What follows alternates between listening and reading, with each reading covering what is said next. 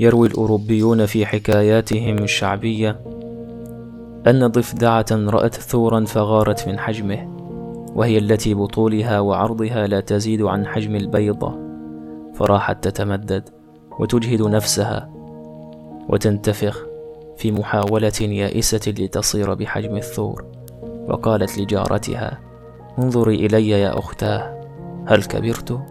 هل هذا المقدار يكفي؟ فقالت لها لا استمري بنفخ نفسك. تابعت الضفدع نفخ نفسها وقالت لجارتها ما رأيك الآن؟ فقالت لها لا لم تبلغي حجم الثور بعد حاولي أكثر. وبقيت تحاول حتى انفجرت. إن لم يكن للرضا على قدر الله إلا الراحة التي يجدها المرء فكفى بها نعمة. وإن لم يكن للسخط على قدر الله إلا الشقاء الذي يجده المرء فكفى به نقمة. إن الله سبحانه وتعالى جعل هذه الدنيا دار امتحان لا دار جزاء. وقد اقتضت حكمته أن يوزع الأرزاق بين الناس بالتفاوت. ليرى سبحانه ماذا يفعل المرء بما أعطي. أيشكر أم يكفر؟ وليرى ماذا يفعل من حرم؟ أيصبر أم يفجر؟ فالله تعالى حين خلق الفقير لم يجعله فقيرا عن قلة فبيده سبحانه مقاليد السماوات والأرض ولكن امتحان بعض الناس في الفقر. وحين خلق انسانا قبيحا أو مريضا فهو لم يخلقه هكذا عن عجز فسبحان من أبدع خلق كل شيء ولكن امتحان بعض الناس في الدمامة والعجز. ما منا من أحد إلا وقد أعطي أشياء وحرم من أخرى. هذه الدنيا لا تكتمل لأحد ولكننا نحسبها كذلك. وكل منا يعتقد أن امتحان الآخرين أسهل من امتحانه. من قضى حياته ينظر إلى ما في أيدي الناس فلن يجد وقتا لينظر إلى ما جعل الله في يده. وسيعيش وطعم الحرمان مر في فمه وقلبه. ومن عرف أنها أقدار مكتوبة وأرزاق مقسومة رضي عن الله ورضي الله عنه. وتذكروا أن أكثر أهل الأرض شقاء سيغمس يوما في الجنة غمسة واحدة ثم يقال له هل رأيت بؤسا من قبل؟ فيقول والله ما رأيت بؤسا قط. وأن أكثر أهل الأرض نعيما سيغمس يوما في النار غمسة واحدة ثم يقال له هل رأيت نعيما من قبل؟ فيقول والله ما رأيت نعيما قط. فاللهم ارزقنا في الدنيا الرضا على قدرك وفي الآخرة الجنة عوضا عن دنيا خلقت ناقصة فلم تكتمل لأحد. تقول الأسطورة إن العقرب جلس طويلا على ضفة النهر ينتظر من يقله إلى الضفة الأخرى وقد طال انتظاره دون جدوى. إذ رفض الجميع نقله لأنهم كانوا يعرفون أنه يلسع. وعندما مر الضفدع من أمامه قال في نفسه لا ضير أن أحاول مع هذا الضفدع.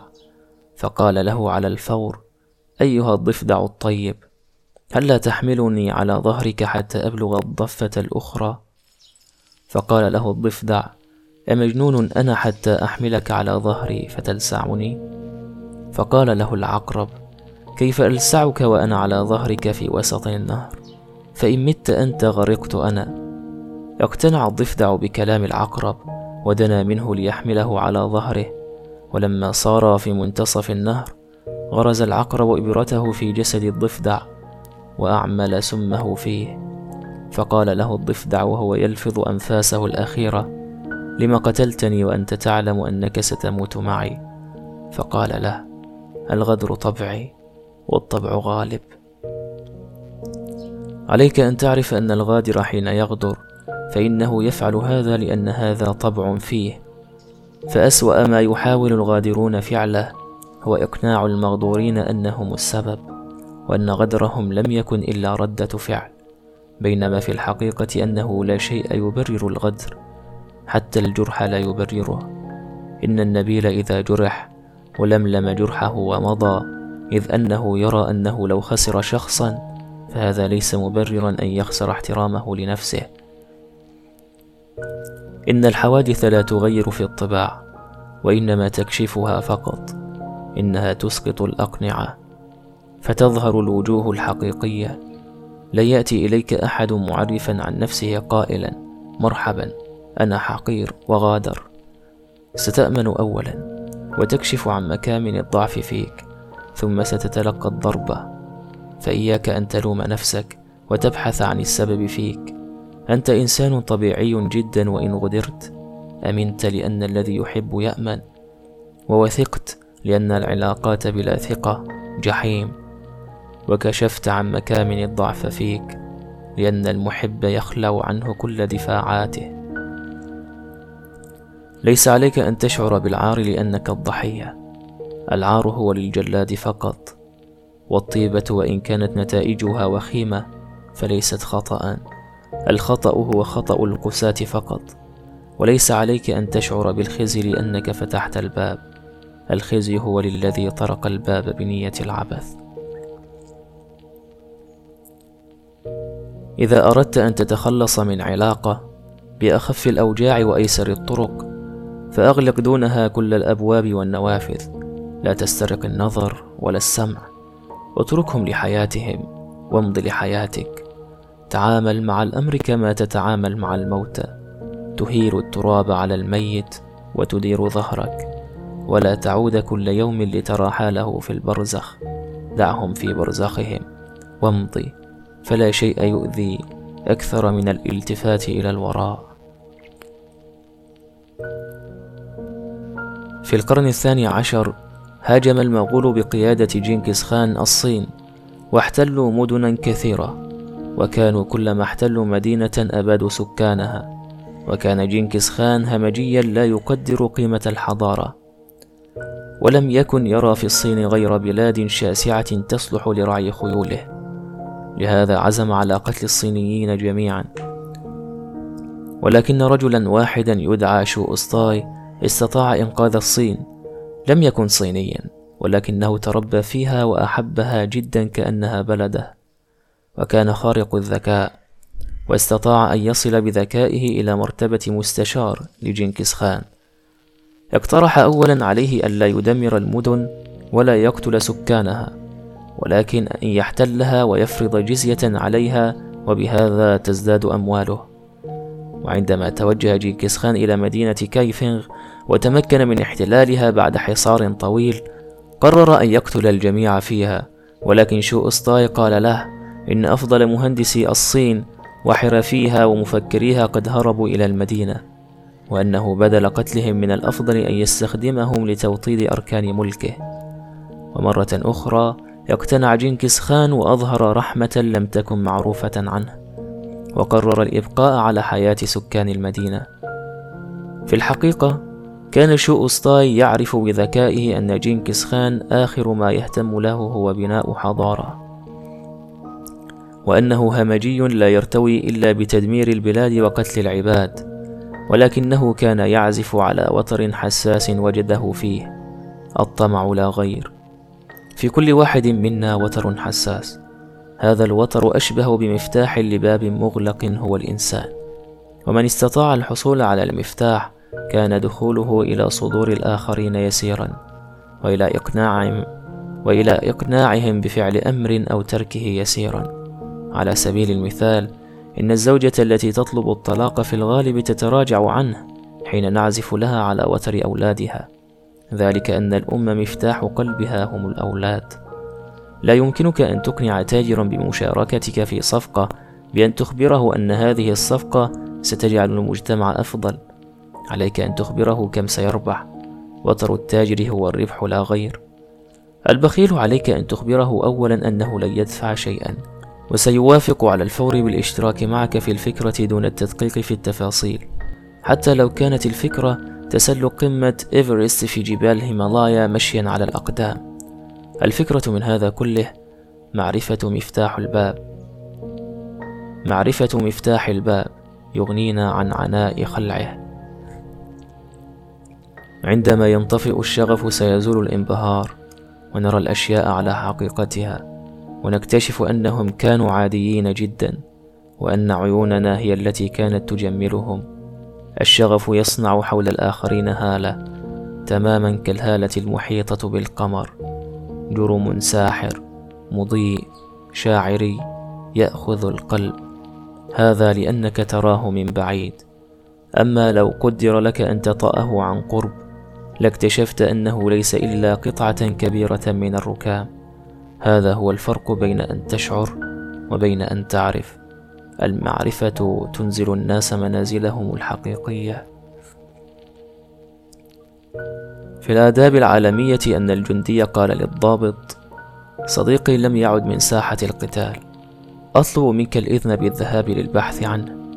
فقال له الضابط الإذن مرفوض. لا أريدك أن تخاطر بحياتك من أجل رجل من المحتمل أنه قد مات ولكن الجندي عصى أمر قائده وذهب للبحث عن صديقه وبعد ساعات عاد ينزف من جرح خطير أصابه حاملا جثة صديقه فقال له الضابط بغرور قلت لك أنه قد مات ولكن قل لي أنت أكان الأمر يستحق كل هذه المخاطرة؟ فقال له الجندي أجل كان يستحق. عندما وجدته كان فيه رمق من حياة وقال لي كنت واثقا من أنك ستأتي. ما أجمل أن يكون المرء عند حسن ظن الناس به أن يكون بحجم تلك الصورة المرسومة له في العقل وتلك المكانة المعطاة له في القلب لأنه لا شيء أقبح من الخذلان. ما أجمل أن يطرق صديقك بابك عندما يقع في ضائقة وكله عشم أنك لن ترده. فيجدك على مقدار العشم. ما أجمل أن يرسم أبواك لك صورة الإبن البار وأنك لن تتركهما في لحظات المرض والعجز. ثم أنت تترجم هذه الصورة إلى مواقف ناصعة في البر. ما أجمل أن تأتمن كامرأة على قلبها في زمن كثر فيه الغدر. وصار الخذلان سمته فتجدك رجلا على مقدار كلمتك. لم تفلت يدك. ولم تهن عليك الأعراض والمشاعر. ما أجمل أن تكون الجار المأمون فعلا والأخ الكتف حقا والزوج العكاز صدقا والأب السند حبا. ما أجمل أن تكون الجهة الآمنة دوما. نحن نتمسك بالأشياء ليس خوفا عليها وإنما خوفا علينا. فنحن في الحقيقة لا نخاف عليهم. وإنما نخاف على أنفسنا من دونهم. فلا ننتبه أن الخوف من خسارة الأشياء يجعلنا نخسر أنفسنا. والحرص الزائد على عدم كسر العلاقات يكسرنا نحن كل يوم. ولكن في اللحظة التي نقرر فيها أن نترك في اللحظة التي نفلت فيها أيدينا سنكتشف أن حبل الإمساك لم يكن يبقيهم معنا بقدر ما كان يخنقنا.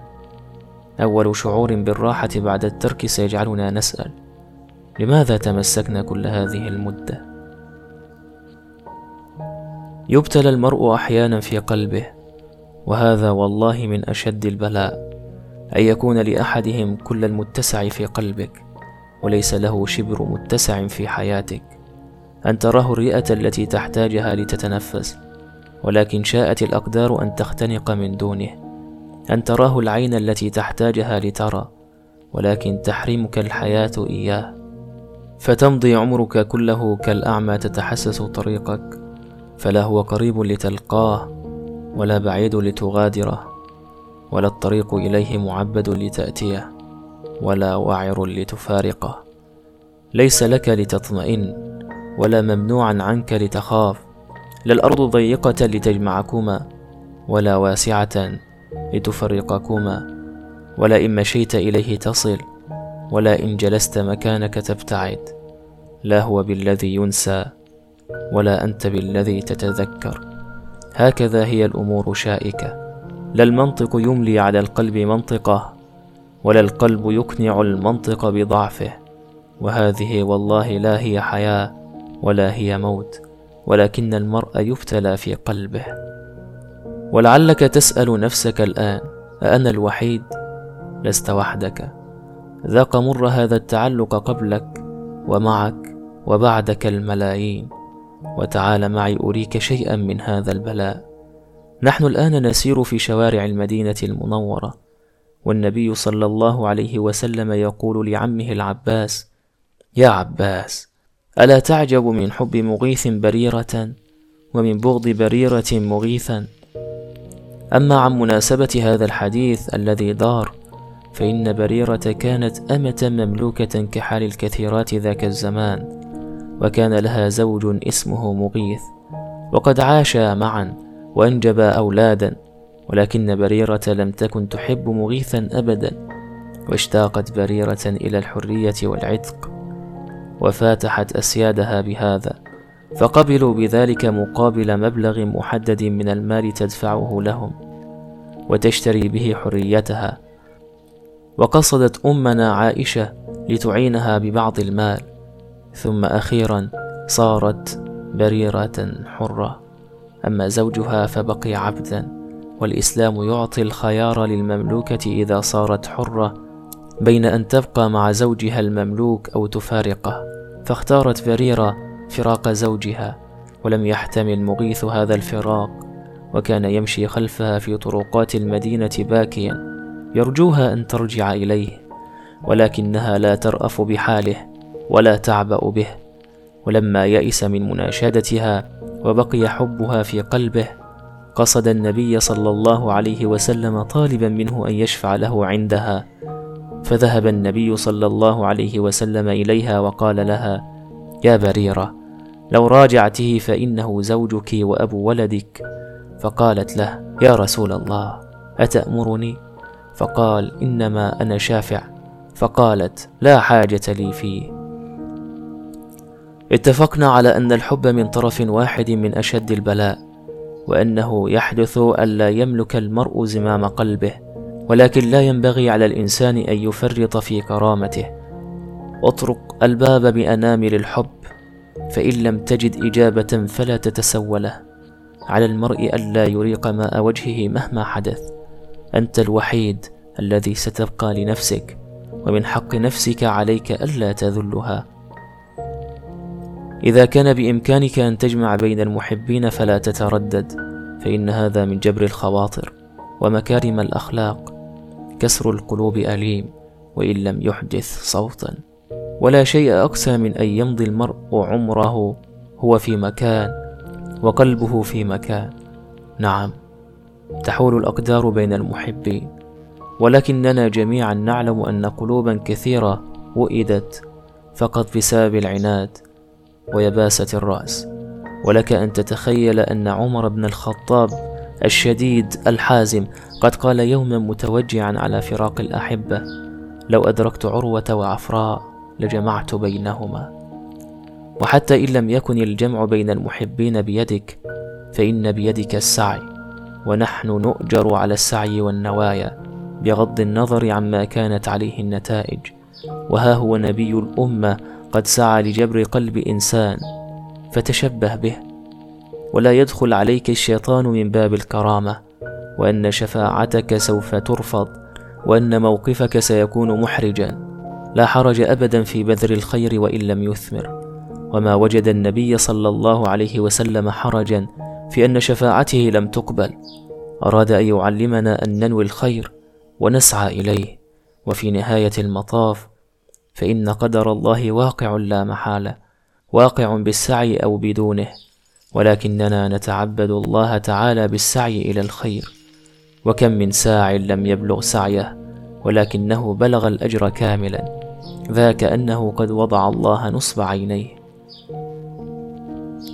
في العودة من غزوة تبوك قال النبي صلى الله عليه وسلم لأصحابه إن بالمدينة لرجالا ما سرتم مسيرا ولا قطعتم واديا إلا شركوكم في الأجر حبسهم المرض.